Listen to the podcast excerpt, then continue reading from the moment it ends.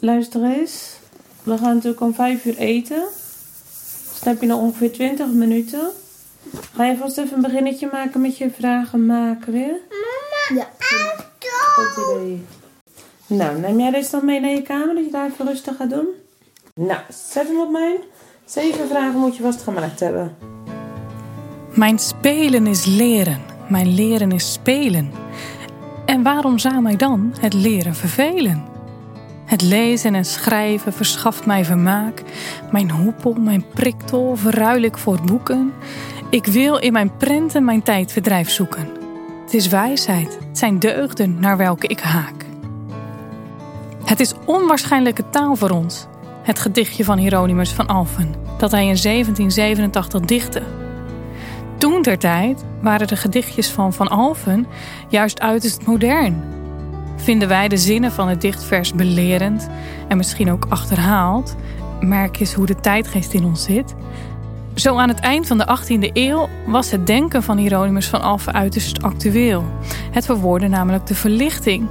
Het kind was een onbeschreven blad dat deugden als gehoorzaamheid, vlijt en bescheidenheid met graagte leerde. Door het strakke rijmschema en de simpele opzet werden de versjes ook makkelijk uit het hoofd geleerd. Zie daar, lieve wichtjes, een bundel gedichtjes. Het spelen van kinderen is leren, stelde de 18e-eeuwse dichter al. En daar zijn pedagogen het nog steeds over eens. Maar de inhoud van het geleerde en de manieren van leren zijn wel veranderd. Nu gaan kinderen naar SOM of naar Magister en leren ze met programma's als WRTS. Helpt zo'n programma met leren? En waarom kunnen pubers nou zo slecht plannen? Dit en meer in deze achtste aflevering van het vierde seizoen van de podcast Bij ons thuis. Dit is een podcast van het Reformatorisch Dagblad over christelijke opvoeding en mijn naam is Henrike Hogendijk. In elke aflevering verken ik een dagelijks opvoedingsthema vanuit verschillende perspectieven. Daarvoor kom ik letterlijk in huis bij de families van Inge en Van Renswoude. In aflevering 1 hebben zij zichzelf voorgesteld. In elke aflevering ga ik ook voor een stuk verdieping in gesprek met een gastspreker. Vaste gast in elke aflevering is Margreet van den Berg, moeder en redacteur bij het Reformatorisch Dagblad. Zij plaatst de thema's in het grotere kader van de christelijke opvoeding. Deze achtste aflevering gaat over huiswerk in je gezin. Het thema waar ouders soms nog drukker mee zijn dan hun kinderen. Als leeskilometers niet lukken, of als repetities niet willen bijvoorbeeld.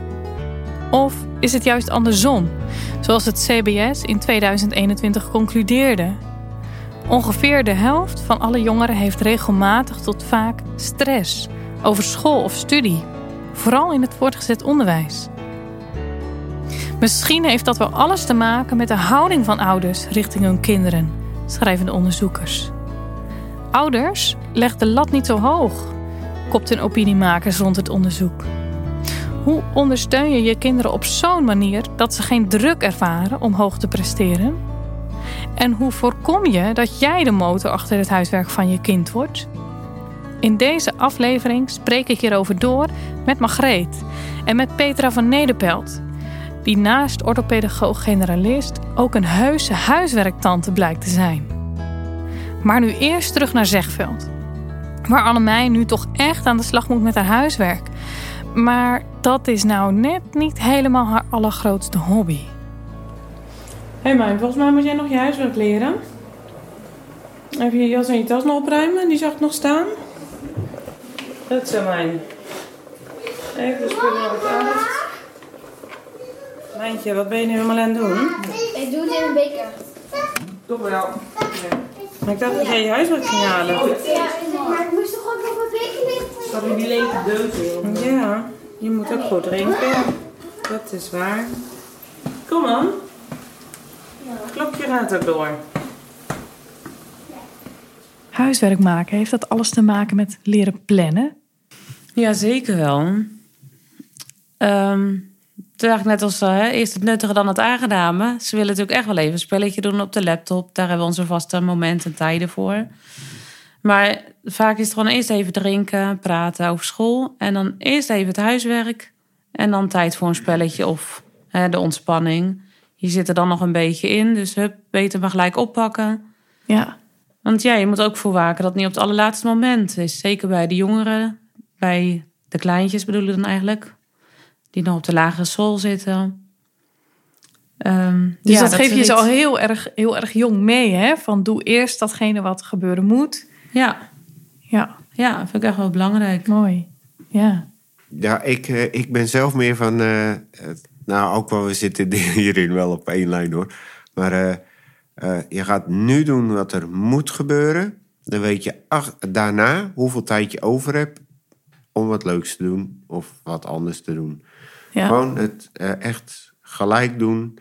En, en eh, hebben kinderen heel erg. Stel het maar even uit. Oh, dat doe ik vanavond. Doe ik na het eten. Nee, niet. Je doet het nu. ja. Een beetje discipline leren. Ja, misschien ook wel, ja. Ja, ja. Vinden jullie dat de lat voor kinderen hoog ligt? Dat ze veel huiswerk moeten doen al op jonge leeftijd? Nee, dat valt op zich nog wel mee. Kijk, bij Annemijn die zit nu in groep 7, dan wordt het natuurlijk wat meer. En dat is ook logisch. Maar ik vind niet dat het heel veel tijd in beslag neemt. En nu doen ze bijvoorbeeld Engels vooral ook op school, al op een eh, tablet. Nee, dat scheelt wel dat ze dat thuis niet hoeven te leren. En zoals Hendrik zit nu in vijf. En die hoeft alleen thuis nog maar de naam en feiten te doen. En zijn psalmvers. Nou, en die vindt het ook gewoon heel erg mooi, de Bijbelsgeschiedenis. Dus die weet het vaak ook allemaal wel. En dat leert ook echt wel snel. Ja. Merk je in het gezin verschil tussen kinderen die er echt van houden om te leren en kinderen die het echt doen omdat het moet? Nou, het ligt wel aan de vakken die geleerd moeten worden. Dat, Oh ja. Het een ligt natuurlijk meer dan het ander. Ja, en soms moeten gewoon de dingen. En ja, dan moet je er ook gewoon tijd voor nemen. En ander dat leren ze makkelijk, want dat vinden ze leuker. Ja. Oh, kom Annemijn. Doe het even. Nee. Annemijn moet even huiswerk leren met mama. Kom, gaan we even rustig hier zitten. Laat me eens kijken, meid. Wat heb je deze week? Ja, dan moet je nog opruimen. Waarom zit dat ook al? Want dat is zo makkelijk. Ja, maar jij hebt nog grote meid. Ja, maar ik vind het zielig voor mezelf. Zielig voor jezelf. Ja. Nou, je hebt een gezond verstand gekregen, meid. Mag je dankbaar voor zijn? Hebben, toch? Ja, dat mag. Ik wil ook wel de vragen ook lezen, dat geeft mij niet. Nee, ik doe het Nou, kom even lekker zitten. Hoe stelde de Heer Abraham op de proef? Dat was, hij moest zijn zoon gaan offeren. Ja, hij moest Isaac gaan offeren, ja. Ja, zijn zoon Isaac. Ja, Ja, oké. Isaac is wel beter, want hij heeft twee zonen. twee. Ja, Welke nog meer dan? Ismaël. Ja, heel goed. Klopt. nou, Oké, maar ehm, daar komen we pas bij, eh, Komen we later in de les bij bij. vraag 8 komen we Ja, daar. ik zie het. Hoeveel helpen jullie als ouders mee met het huiswerk van de kinderen? Ik ben van de ehm, afdeling topografie. Het stampen van plaatsen en namen. Ja, dat, eh, ik drill net zo lang tot ze het helemaal uit haar hoofd kunnen. Heerlijk. Nou ja, en eh, daarin zie je dus wel weer het grote voordeel. Als je een groot gezin hebt. Als bijvoorbeeld Gerco al een poos eerder uit school is. Nou, die heeft zijn ontspanning al gehad. En Hendrik moet dan zijn naam en feiten nog even leren. En Gerco zegt, oh, zal ik dat even doen? Dan denk ik, heerlijk. Ja hoor, ga je gang. Goud. Ja, Ja. dat zijn echt van die heerlijke dingen. En wat mooi dat hij dat zelf ook aanbiedt dan. Ja, ja, ja, dat vindt hij heel erg leuk om, om dan te doen. En nou ja, de ander moet je wel eventjes helpen. Annemijn die had laatst wel even dat ze het toch nog niet helemaal kende. Ik zei, nou, dan gaan we nog gewoon wel weer samen even ervoor. Ja. Merk je dat je kinderen moet leren hoe ze moeten leren? Ehm, ja, je moet wel even het voortouw innemen. Dat merk ik wel. Op de Dus- basisschool is dat vooral? Jawel, ja. Ja. Kijk, het is echt niet van, oh mama, ik ga eerst mijn huiswerk doen. Nee, zulke brave schoolkindertjes hebben we ook weer niet. Die zijn hoeft te vinden, denk ik. niet, hè. Daarin eh, mogen we als ouders ook weer sturen. Maar zeker zoals bij de ouderen, dan eh, is het wel weer meer hun eigen verantwoording. Je attendeert er wel op. Of ik kijk stiekem wel eens even in het rooster wat je in het oude portaal kan vinden. Ik zeg, hé hey Ger, volgens mij moet je vrijdag een boekverslag eh, inleveren. Oh ja, ik heb al wel wat gedaan. En zoals, eh, dan als het er echt op aankomt, dan merkt je wel van... oh ja, ik moet nu toch echt wel even de tijd ervoor nemen. En dan zie je dus ook dat soms eh, dingen meer tijd kosten dan ze denken. Ja, en, en, en wat is dan jullie reactie? Hè? Want dan, dan moet je ook een stukje loslaten. En dat gaat bijna met tegen de lamp aanlopen dan. Ja, ja, ook daarin. Weet je, Gerco zit nu natuurlijk ook in zijn examenjaar. En dan wil je ook dat hij het mooi afrondt. En dan ja, help je hem ook wel daarin. Niet dat ik dagelijks of wekelijks kijk. Nee hoor, dat echt niet. Dan eh, heb ik ook zoiets van, ja, dat is zijn eigen portie. Maar soms kijk ik wel even en dan vraag ik, heel aan je wiskunde? Oh ja, dat heb ik op school al gedaan. Ja, en dat vind je ook leuk. Ieder kind heeft een eigen manier van leren. En per kind is het goed om uit te zoeken welke manier het beste werkt. Herkennen jullie dat? Ja, zeker. Ja, nou, de een is gewoon eerder afgeleid in de huiskamer dan de ander. Dus nou ja, dan wij slapen zelf beneden, dus dan lopen ze wel eens even in de slaapkamer in om daar even het terug te trekken. En nou, de ander moet je echt even, joh, ga dan maar even rustig boven leren. want je ziet zoveel om je heen. Of Samuel die dan even de aandacht vraagt. Of waar de aandacht naartoe gaat. Want het liefst zijn ze wel hier beneden aan het leren. De, de kleintjes wel. Ja, ook al zie je bij de grotere. Yvonne zit nu op de Hoornbeek en die doet ook gezellig wel eens even aan de keukentafel als het kan. Ja. Ja. Huiswerk maken, dat gaat soms ook over door de zure appel heen bijten, zeggen Lenet en Klasina van Ingen. Jezelf vermannen en gewoon beginnen. Discipline, daar kom je het verst mee, zeggen ze. Het mooie is dat kinderen daarmee een houding aanleren die voor hun hele leven nog profijtelijk is. Ook later in je werk of in je eigen gezin val je erop terug. Op die discipline steunt ook het leren van huiswerk. Het vormt als het ware het fundament daaronder. Petra van Nederpelt vertelt over het huiswerklaboratorium dat op dat fundament gebouwd wordt. Ik mag haar daarvan alles over vragen. Dus ik vroeg haar naar leervoorkeuren en manieren van leren. En we hadden het ook over ezelsbruggetjes en het puberbrein. Ik ga erover in gesprek met Petra van Nederpelt. Zij is orthopedagoog-generalist bij Drieser Educatief en in het Icasia ziekenhuis in Rotterdam. We gaan het in dit gesprek hebben over huiswerk, maar we komen ook langs bij de thema's leerproblematiek van kinderen en leren leren. Ehm, ik ben heel erg benieuwd bij de start. Wat voor herinneringen heb jij zelf aan het maken van huiswerk? Nou, dat zijn wel uh, bijzondere herinneringen. Vertel. Ik moest daar altijd hard voor leren. Dat, dat is wat ik nog weet. Maar ik vond het ook altijd heel erg leuk. En volgens mijn moeder liep ik altijd uh, met briefjes door het hele huis waar dan woordjes op stonden of samenvattingen. En als ik dan bijvoorbeeld de afwasbeurt had, dan plakte ik die aan het zeebakje. En uh, stond ik zo uh, mijn woordjes te leren om geen tijd te verspillen in mijn, bij mijn huiswerk. Ah, geweldig, wat een actief leren. Ja, maar ik heb er wel goede herinneringen aan. Dus. Nu heeft huiswerk op dit moment ook een bijzondere rol in jouw leven. Kun je er eens wat over vertellen? Ja, nee, dat klopt. Ik heb s'avonds vaak uh, nichtjes over de vloer of uh, kinderen van uh, kennissen en vrienden die huiswerkbegeleiding nodig hebben. En ja, dat vind ik dus ook heel erg leuk om te doen, om ze te helpen daarbij. Dus jij zit heel veel avonden over geschiedenis gebogen en biologie en zo. Ja, ja, de zaakvakken vinden ze vaak wel lastig om te leren. En woordjes stampen kunnen ze dan zelf thuis nog wel, maar vooral ja, de, de vakken die jij noemt, zeg maar de wereldoriënterende vakken, die, uh, daar hebben ze vaak wel even een stukje hulp bij nodig. Mooi, jij spijkert jezelf ook weer bij. Ja, precies, ja. ja. Hey, bij sommige leerlingen die jij in je praktijk ziet, uh, wordt een leerprobleem vastgesteld. Welke leerproblemen hebben we het dan over? Ja, kijk, als orthopedagoog werk ik vooral in het basisonderwijs. En daar heb je eigenlijk twee grote leerproblemen, als je, uh, als je het zo kunt wil noemen. Uh, dyscalculie, dat blijkt in de praktijk niet zo heel veel voor te komen, omdat het ook best wel een uh, lang onderzoekstraject is. De andere is dyslexie en ja, daar, uh, daar heb ik wel heel veel mee te maken in mijn werk. Dus kinderen die je begeleidt, of in ieder geval hun ouders en leerkrachten begeleidt op weg naar het onderzoek. Maar ook daarna een stukje advisering van ja, hoe kunnen we deze kinderen met de diagnose zo goed mogelijk helpen. Ja, nu, nu hoor je best wel veel van kinderen die dyslexie hebben.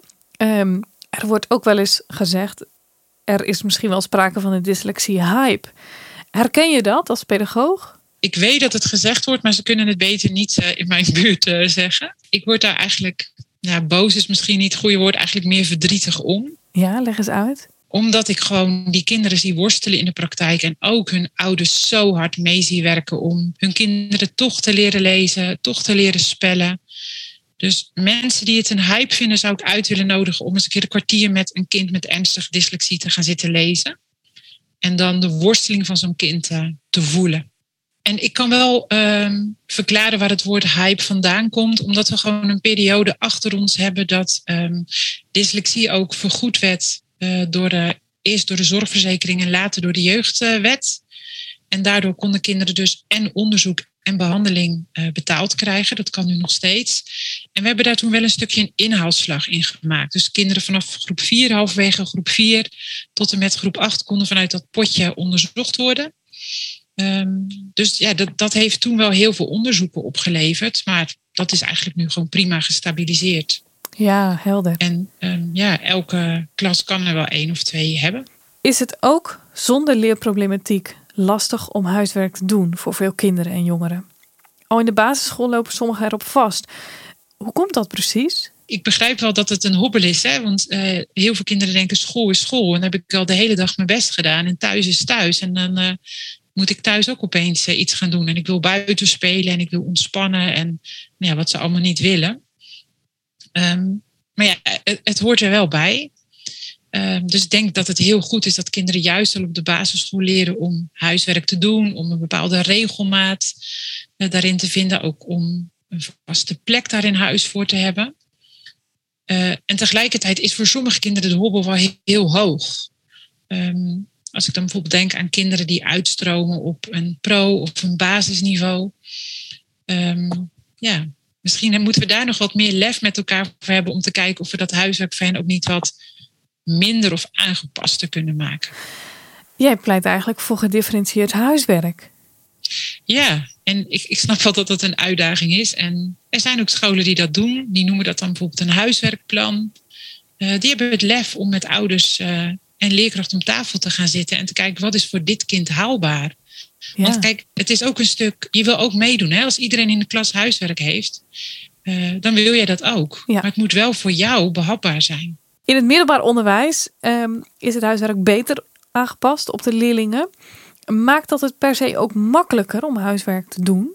Nee, kijk, een middelbare scholier die heeft weer zijn eigen uitdagingen hè, met uh, vrije tijd en social media die ze bij willen houden. Ja. Dus ja, kijk, er zijn natuurlijk natuurtalenten die gaan vanaf dag één uh, plannen die de eigen huiswerk, uh, regelen die de eigen huiswerk. Maar ik zie wel in mijn omgeving dat vooral met het plannen heel veel, ik noem het maar even kinderen, het zijn natuurlijk jongeren, echt wel hulp kunnen gebruiken. Waarom precies op dat plannen? Waar zit dan dat probleem? Ze hebben dat gewoon niet geleerd. Op de basisschool is het allemaal nog best wel behapbaar. Hè? Dan moet je bijvoorbeeld voor Engels tien woordjes leren. Dat overzien ze nog wel. Maar uh, op het, in het voortgezet onderwijs krijg je natuurlijk best wel in grote happen huiswerk. Ja. Uh, dan moet je opeens een heel hoofdstuk voor een toets leren. Of uh, ja, soms wel een paar bladzijden woorden. En daar zie ik jongelui echt op vastlopen. Omdat dan ja, ze toch te laat beginnen. Of niet weten hoe ze dat goed kunnen verdelen. Ook niet weten hoe ze het aan moeten pakken. Dus ik denk, ja, docenten zouden daar misschien meer in kunnen doen. Hè? Dat als je een toets opgeeft, ook daar een verdeling bij aangeeft. En, en anders, ja, dat ouders daar een stuk rol in kunnen nemen van hoe verdeel je je huiswerk nu goed over de week.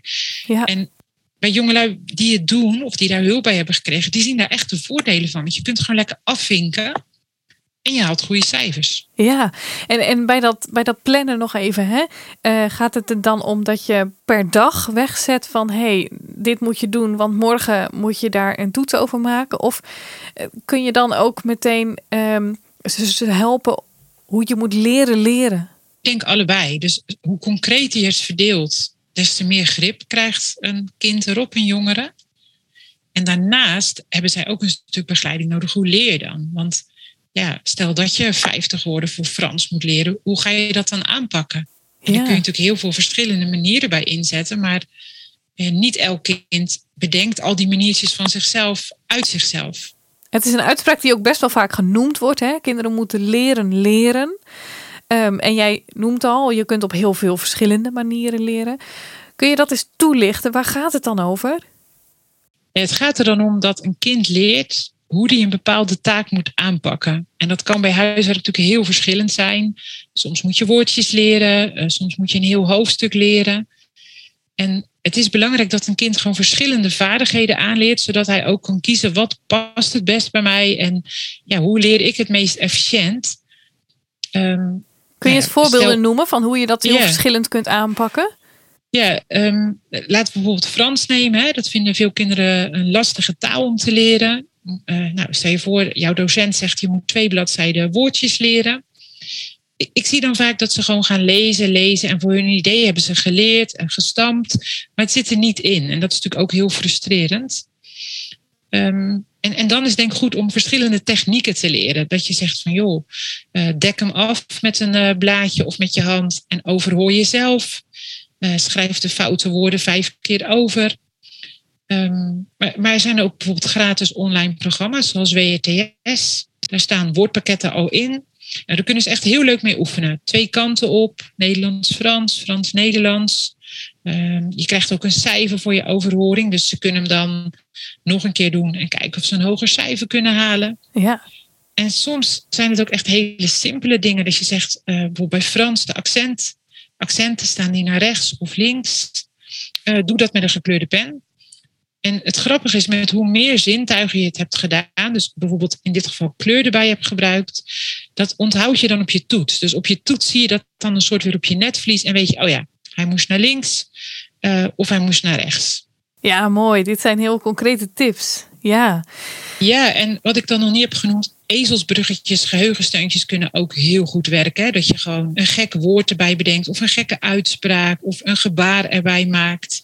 Nou, als ze zo'n woord op de toets zien, dan moeten ze vaak zelf grijnzen, omdat ze dan weer denken: oh ja, dat was dat eh, raar of dat grappige woord. en dat gebeurt dus allemaal bij jou thuis dan, hè? Op die avonden. Ja, dat gebeurt allemaal aan mijn eh, eettafel. Ja. Ja, Ja. mooi.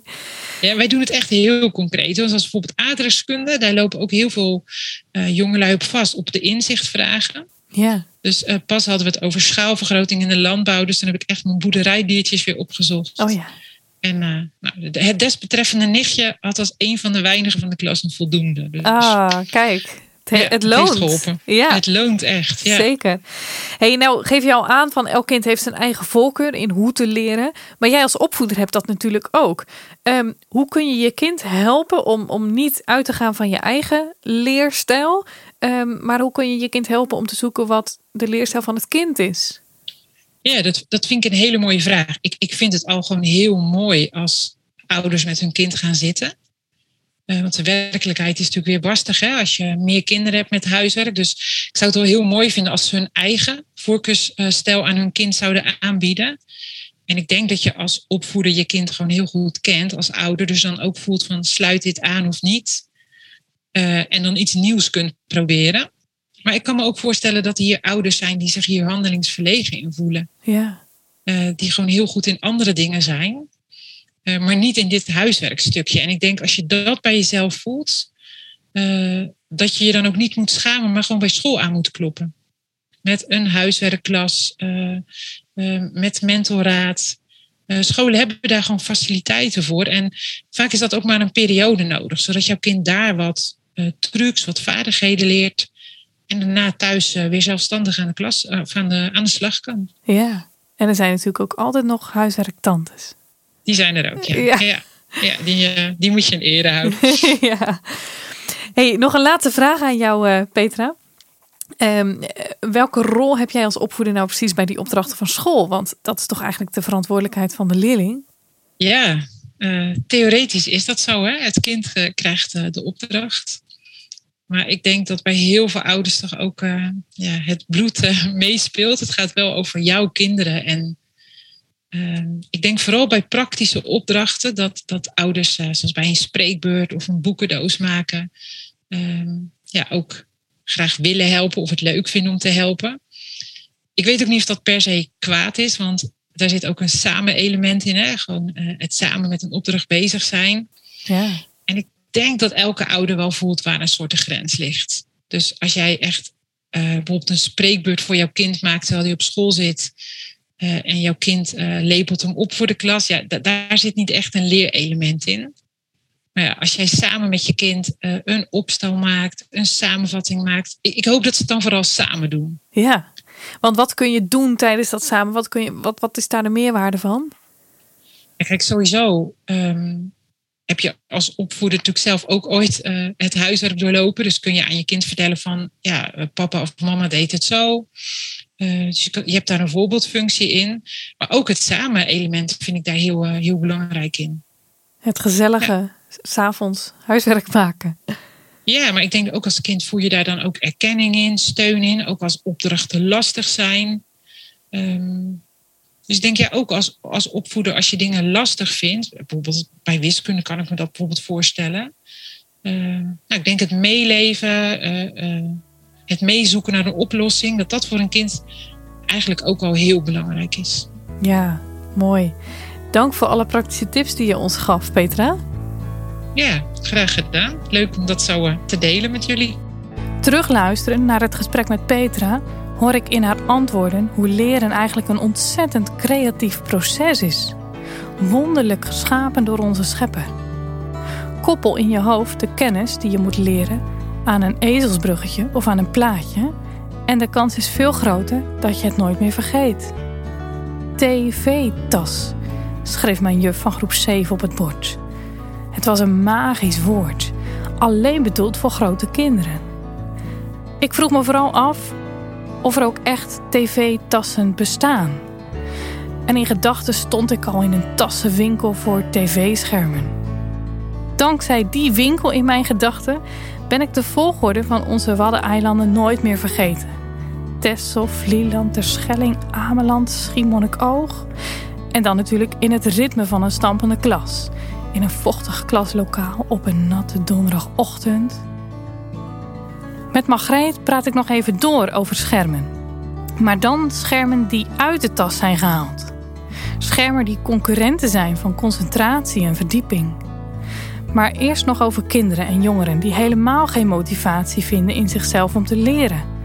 Is er voor hen toch nog hoop om tot leren te komen? Welkom weer, Margreet. Ha, Herike. In het gesprek zojuist met Petra vertelde zij over het leren leren en over het begeleiden van huiswerk van kinderen. Wil jij eens reflecteren op dat gesprek? Ja, toen ik dat interview hoorde, dacht ik, ja, doe mij ook zo'n tante om de hoek. Ja. Dat is toch ideaal? Echt, eh, ja, ik vind dat heel mooi om te horen. Waarom is dat zo mooi? Nou, weet je, uh, als ouders zit je natuurlijk best dicht op je kinderen. En uh, iemand die daar net buiten staat, die kan zo van waarde zijn. Echt een grote aanvulling op, op, je, op je gezin, ja. Die mag alles zeggen en alles aanbevelen. Ja, en ja, dat, het is gewoon een soort frisse wind die er dan weer even doorwaait. En in de sfeer van huiswerk, als het daarover gaat met je kinderen, dan, ja, dan is de toon niet altijd even geweldig. Uh, kijk, als ouders wil je natuurlijk ja, dat je kind zijn huiswerk braaf doet. Maar de praktijk is dat niet alle kinderen dat even braaf doen. En dan zie ik in gedachten bij tante Petra daar vooral de kinderen zitten die geholpen willen worden. Dat zijn kinderen die denken, nou hier ben ik niet zo goed in. Uh, weet je, het is fijn als ik geholpen word. En die staan daar helemaal voor open. Ja. Maar in de meeste gezinnen zijn ook kinderen die daar iets minder voor openstaan. Die denken, ik moet het allemaal gewoon zelf kunnen. En soms lukt dat helemaal niet, maar ze hebben wel het idee dat ze het zelf moeten kunnen. Ja. Of er zijn kinderen die denken, ja, nou ja, bedoel, waarom zou ik ooit een acht moeten halen? Ik uh, ga voor die zesjes en een vijf en een half wordt ook nog net afgerond een zes. Precies. En zo kom ik uh, die schooltijd ook door. En dan kun je als ouders op je kop gaan staan. Maar ja, ja, de sfeer wordt er dan meestal niet beter op. Jij signaleert dus dat er kinderen zijn die helemaal niet geholpen willen worden als het gaat over huiswerk. Hoe stimuleer je deze kinderen wel om te reflecteren op hoe zij leren? Kijk, cijfers zijn natuurlijk een redelijk uh, objectief meetpunt. Uh, meestal ga je natuurlijk aan de hand van een rapport ook wel even in gesprek met kinderen. Uh, kijk, er zijn natuurlijk kinderen die zonder enige inspanning hoge cijfers halen. Ook bij hen is het van belang hoe ga ik dan praten als dat rapport binnenkomt. Ga ik dan vooral complimenten geven voor de hoge cijfers? Maar ik vind het eigenlijk veel mooier om kinderen complimenten te geven over een eventuele inzet die ze geleverd hebben. Want een zes op een rapport, dat kan wel eens veel meer inspanning gevergd hebben van een kind dan een negen van een ander kind.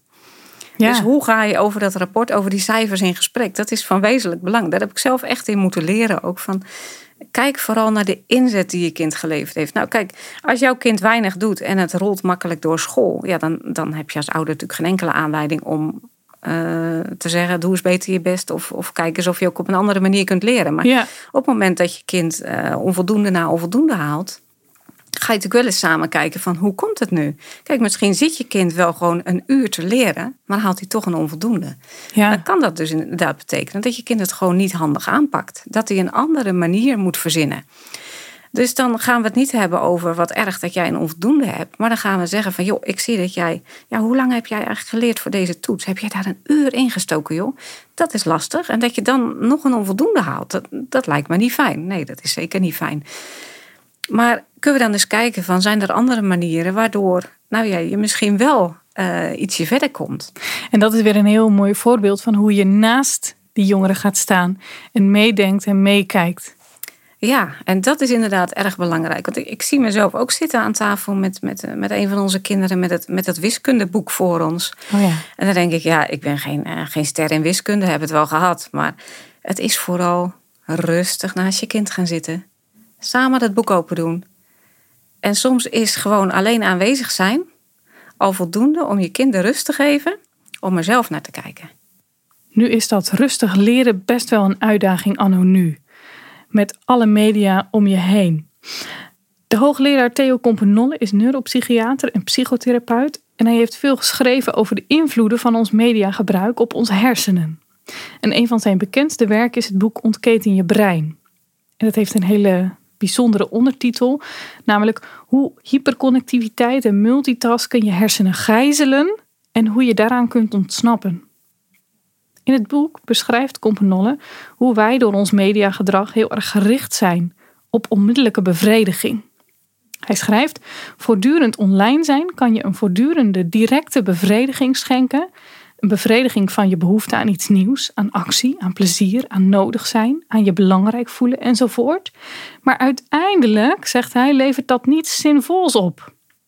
Het is gemakkelijk om jongeren toe te staan om hun impulsen te volgen op het voortdurend veranderende internet. Maar in plaats daarvan, stelt hij, moeten we jongeren coachen om zich te leren concentreren en te reflecteren op wat ze gelezen hebben. Margreet, hoe doe je dat nou in de praktijk? Jongeren leren om zich te concentreren? Ja, zal ik het even in één zin zeggen hoe dat moet? Nou, graag. Daar wachten we allemaal al jaren op. Ja, nee, dat is een dagelijkse strijd eh, bij mij thuis. Dat gaat echt niet vanzelf en het zit ook in mij. Ik bedoel, dat, dat zit in onze, in onze genen bijna. Eh, dus dat is bij mij ook. Als ik een appje binnenkrijg, moet ik dan direct zien van wie het appje komt en waar het over gaat? Of kan ik dat ding ook gewoon nog een half uur eh, ongelezen laten? Ja. En nou ja, dat zien je kinderen natuurlijk ook. Maar bij mij werkt het dus misschien bijna net zo als bij mijn kinderen. Eh, maar dat leren concentreren, ja, ik, ik, ik werk daar ook gewoon thuis wel heel hard aan. Eh, Noem eens voorbeelden. nou, kijk, eh, onze jongste, eh, ja, die leest gewoon niet zo graag. Maar hij heeft wel een eno- enorme verhalenhonger. Oh en dat herken ik van onze andere kinderen ook. Maar toen die op de basisschool zaten, onze oudste drie, ja, die pakte gewoon na schooltijd gewoon een boek. En dan ging je mee naar de biep. En, en, eh, iedere keer weer. En, en van de schoolbiep haalden ze boeken. En die, die lazen voor hun plezier. En zo oefende je hun concentratievermogen. Ja, en dat is natuurlijk heerlijk. Gewoon met een, een uur met een boek op de bank. Ja. Gewoon lezen. Maar nu, en dan denk ik, ja, dat doe ik onze jongste dan onrecht als ik nu zeg dat hij niet, zich niet kan concentreren. Hij kan gerust een uur naar een luisterboek luisteren. ja. Maar dan sta ik voor de vraag: vind ik dat even goed? Een uur zelf een boek lezen of een uur een luisterboek luisteren? Waarom zou dat verschillend zijn? Een uur lezen of een uur luisteren? Nou, dat is een vraag die mijzelf bezighoudt en waar ik het antwoord ook nog niet precies op weet. Want dan denk ik, is er dan inderdaad een andere concentratie nodig om te lezen? Ik denk het zelf dus wel.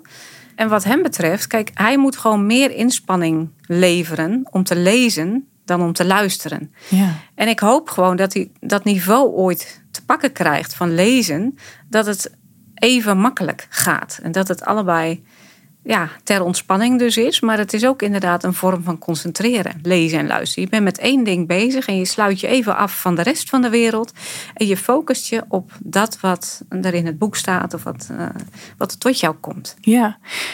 Nog eventjes over dat lezen. Hè?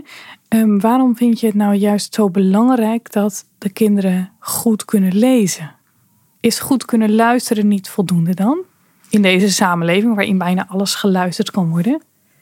Ja, nou ja, nog niet alles kan geluisterd worden. Kijk, er zijn nog stad, stad studieboeken die je gewoon echt moet doorploeteren als je een opleiding volgt. Ja. En dat geldt natuurlijk eh, op de, op de middelbare school ook al. Ik bedoel, als jij gewoon geschiedenis moet leren, ja, dan is er niemand die jou dat voorleest. Dan zul je toch gewoon het moeten doen met het boek dat je van school meekrijgt. En die toets gaat over de inhoud van dat boek. Ja. Dus eh, makkelijk kunnen lezen, dat heb je gewoon echt nog helemaal nodig in, in het huidige onderwijssysteem ook nog. Dat, ik weet niet of dat ooit gaat veranderen. Want dan denk ik, het verandert natuurlijk wel heel erg. Als jij niet weet hoe je een band plakt, dan ga je niet meer ergens een handleiding lezen van Nee. hoe moet dat. Maar dan kijk je een filmpje op YouTube. Oh, Ja. zo plak jij dus een band. Dus dat, ja, dat, dat zit overal in, dat wij toch minder eh, aan dat lezen vastzitten. We zijn minder gericht op woorden. Eh, Theo Compenolle, waar net dat citaat van werd voorgelezen, ehm, die pleit er wel heel erg voor om met woorden bezig te blijven. Want, zegt hij, eh, dat zorgt voor verdieping. Dan zijn we diep aan het nadenken. En dat helpt weer om na te denken, te koppelen aan je voorkennis, om te reflecteren op wat je hoorde. Waarom zijn dat belangrijke vaardigheden? Ja, het vergroot je wereld natuurlijk enorm. Hè? Als jij iets leest en je kunt dat koppelen aan de praktijk, ja, dan ga je met andere ogen naar die praktijk kijken. En ja, ik vind dat zelf nog het belangrijkste, dat ze dat ook met de Bijbel kunnen. Dat als zij het woord van God lezen, dat ze ten eerste begrijpen wat er staat. Ja, Maar het vraagt natuurlijk veel meer, want God spreekt tot ons door zijn woord. En hij wil dat ons dagelijks leven daarop gaat aansluiten. ja, Dus, dus ja, dat, dat, dat gaat in alles van het hele leven mee. En, en dan helpt het niet om constant afgeleid te worden door van alles en nog wat. Dus hopsa, af en toe gewoon even alles aan de kant. Maar ja, dat gaat wel helemaal tegen, tegen alles van nu in, inderdaad. Want ja, wij willen toch eigenlijk nu direct alles hebben. ja. Margreet, kun jij tenslotte nog concrete tips meegeven aan opvoeders van hoe ze concentratie en verdiepend bezig zijn kunnen stimuleren bij hun kind? Ja, wat ik zelf doe, dat is mijn kind gewoon echt verplichten om dagelijks een half uur te lezen. Verplichten. Verplichten. Ja. En dat is alleen als je jezelf voorneemt dat het echt belangrijk is, dan houd je dat vol. Want het is, het is iedere dag weer dat het uit mij moet komen. Eh, maar als je ervan overtuigd bent, dan lukt dat. En dan doe je dat. En dan hoop ik dat er een moment komt dat hij zegt: Mam, fijn dat je dat toen deed. Maar op dat moment wacht ik nog. En een andere tip is wellicht ook gewoon eh, wissel het af. Hè? Als je een luisterboek hebt, ja, je kunt natuurlijk eh, één hoofdstuk luisteren en een hoofdstuk lezen daarna. En dan weer eentje luisteren en dan weer lezen. En dan hopen dat ze zo gegrepen zijn door het verhaal dat, eh, dat ze vanzelf verder gaan. Ja, mooie tips. Dankjewel Margreet. God spreekt tot ons door zijn woord. En daarop moet ons dagelijks leven aansluiten, zegt Margreet in het nagesprek. Het sterkt mij in mijn overtuiging dat een christen zich niet mag laten meeslepen in een cultuur die vrijwel alleen maar uit beelden bestaat, zoals de huidige beeldcultuur. Het kan niet anders dan dat een christen te herkennen is aan een verdiepende houding van brongerichtheid, zich thuisvoelend in een woordcultuur. Door woorden te spellen, maar ook door ze te zingen. Dan heb je ook ehm, een nieuw liedje geleerd. Huh, welke? Moet je ook een nieuw liedje leren? Zeven op de dal. Dat is weer zegen op je daal. Ja. Nou, die kennen we volgens mij al, hè?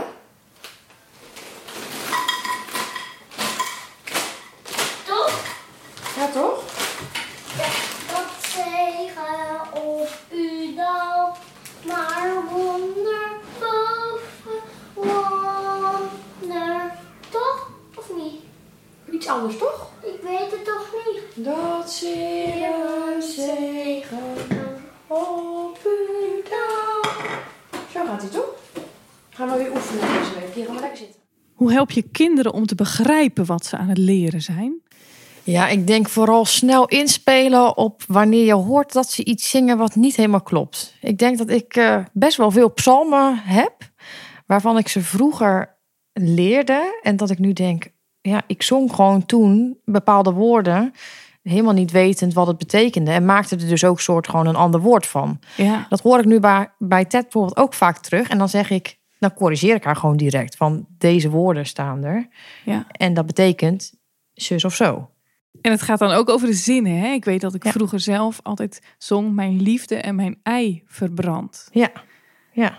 ja, Ja. zoiets. Ja, die voorbeelden.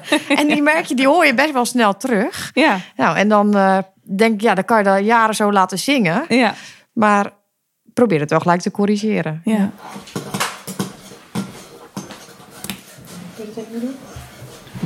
Dan kan ik door.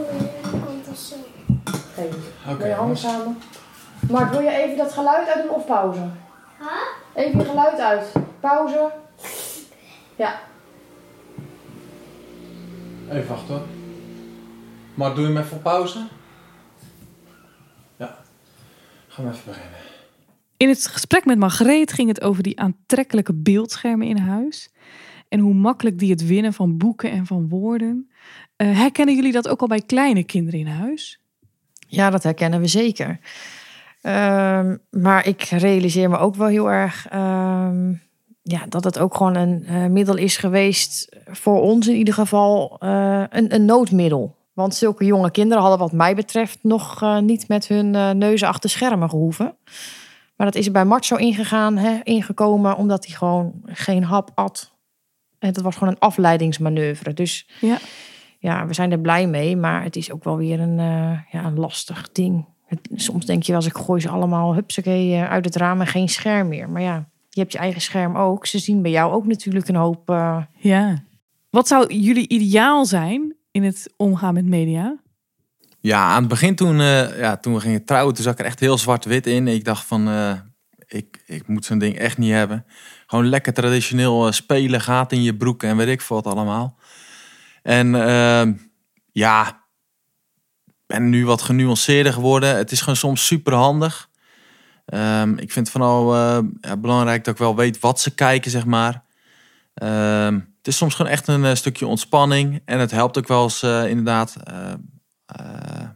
ja, het kan inderdaad gewoon wel eens even handig zijn als ze gewoon erg gewoon rustig zijn of weet ik veel wat.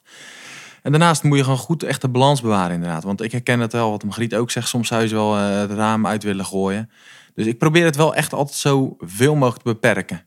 Dus dat, eh, en zelf inderdaad, wat Margriet ook al zei over je eigen telefoon. Ik probeer echt zelden op mijn telefoon te zitten eh, Als als, zij als, mij zien inderdaad. Ja, Dat probeer ik echt te gewoon voorkomen, want ik wil niet gezien worden als een vader die ook weer op zijn telefoon zit. Daar hou ik gewoon niet van. Dus dat probeer ik echt te minimaliseren. ja. Nou hebben jullie de moeilijkheid eh, dat het voor Mart wel heel helpend is. Hè? Het helpt hem echt om te ontprikkelen. Ehm, hoe leggen jullie dat uit aan de andere kinderen? Want die vinden dat natuurlijk er ook wel heel aantrekkelijk uitzien achter de tablet. Ja, klopt. Ja, dat is inderdaad echt dus even lastig inderdaad. Voor Mart biedt het echt, echt die, inderdaad, die rust is heel doeltreffend. En het liefst hadden wij dan inderdaad vanuit onze idealen dan gezegd van de rest niet. Maar ja, dan kom je dus inderdaad waar we het eerder ook al over hadden, daar waar het gaat schuren, waarom hij wel en ik niet. Ja. Eh, dus ja, dat klopt. Ja, dat is moeilijk. Hoe leg je dat uit? Ja, dan probeer dat toch weer uit te leggen van het biedt maar wat rust en eh, heel kinderlijk uit te leggen. En anderzijds zit ik er ook niet te krampachtig in hoor. Eh, ik vind het ook, ja, geniet af en toe eens lekker van zo'n filmpje van Pieter Konijn of weet ik veel wat. Ja, dat, dat is ook gewoon super grappig en leuk. En ja, dus ik zit er ook weer niet te krampachtig in. Maar het moet gewoon niet het andere cannibaliseren, zeg maar. Dus ander Nee. speelgoed buiten spelen. Dus en volgens mij weten we die balans redelijk te bewaren. En dat vind ik voornamelijk belangrijk. Want anders Ja. dan, eh, als het echt van die eh, duffe, muffe kinderen zouden worden, dat zou ik echt helemaal Ja. niet blij van worden. Nee. Hoe blijf je kinderen boeien voor ander speelgoed? Ja, gewoon wisselen. Ja, het is werkelijk waar. eh, af en toe denk je wel eens, eh, het kan hier niet op aan speelgoed. Maar ehm, ik denk altijd, ja, als kinderen bij een kinderdagverblijf zijn, doen ze daar ook actief eh, wisselen van speelgoed. Er komt iets wat nieuws bij. Dus ik koop gewoon ook gewoon geregeld wat nieuws. Dan gaat Ja. er weer wat ouds naar de kringloop en eh, dan halen we weer wat nieuws. Zelf uitzoeken wat je leuk vindt. Eh, niet te veel herrie eh, uit het apparaat. En anders gaan er een paar plakbandjes over het microfoontje heen. Om het wat te dempen. Ja, Dankjewel voor de dus tip. het is een beetje, eh, ja, gewoon ze zelf betrekken. Ze hebben allemaal hun eigen interesses. En eh, eh, die moet je even leren kennen. Maar ik moet ook zeggen, bij, eh, bij voornamelijk dan Ted en Fleur en ja, Mart eigenlijk ook wel. Eh, we hebben gelukkig niet echt heel erg last ervan dat ze die iPad bij van zien en alleen nog maar achter dat ding willen zitten. Want ja, ik liet net heel eventjes, dat konden de luisteraars natuurlijk niet zien, maar een roze paard zien. Ja, dat zit er gewoon echt in. Dat, eh, dat, eh, ja, Het is roze gewoon, maar ze en- willen gewoon spelen. En eh, gelukkig hebben we daar nog niet heel erg veel, dat, dat echt concurrentie is, zeg maar. Ze hebben ook gerust wel eens dat ze op nu Nee. zeggen van, dat ding is uit. En dan lopen ze opeens in de bak te friemelen. Nou, mooi, dan gaan we lekker verder met iets anders. Idealen, die vergaan je soms in de opvoeding. Want de praktijk is altijd ingewikkelder dan de theorie. Zeker als het gaat over mediagebruik. Want het beeld blijft trekken. En is nog weer makkelijker dan lezen of luisteren. Daarmee is elk scherm een grote afleider van huiswerk. Een concurrent van het leren. Dat is de uitdaging waarmee elke jongere te dealen heeft. Dat is de opvoeding met beide benen op de grond. Natuurlijk is dat geen opvoeding die bestaat uit trucjes, met steeds hetzelfde resultaat. Daarvoor is de praktijk te weerbarstig, te gebroken ook. En juist daarom hebben we het nodig om af en toe met een nieuwe blik naar onze eigen opvoeding te kijken. Door even te luisteren naar hoe andere opvoeders dat doen. Door even te horen hoe experts erover spreken. Door terug te keren naar onze Bijbel waarin de hemelse pedagoog woorden van opvoeding schreef. Dit was de achtste aflevering van de podcast Bij ons thuis over huiswerk in je gezin. De opnamen in deze podcast zijn gedaan door Niels Verhoek. Carola Veldhuizen redigeerde de podcast. Heb je vragen naar aanleiding van deze aflevering? Of heb je nieuwe ideeën voor een toekomstige podcast? Mail ze ons toe via podcast.refdag.nl. In de volgende aflevering staat vrije tijdsbesteding centraal. Vrije tijd, het uitzicht van de ene opvoeder, schrikbeeld voor de ander. Wat als vrije tijd een opgave wordt, als vrije tijd staat voor verveling? Mag je van elk kind verwachten dat het een eigen hobby vindt? En wat als online zijn de enige ontspanning is die je puber kan bedenken? Vragen genoeg en inhoud te over. Graag tot dan.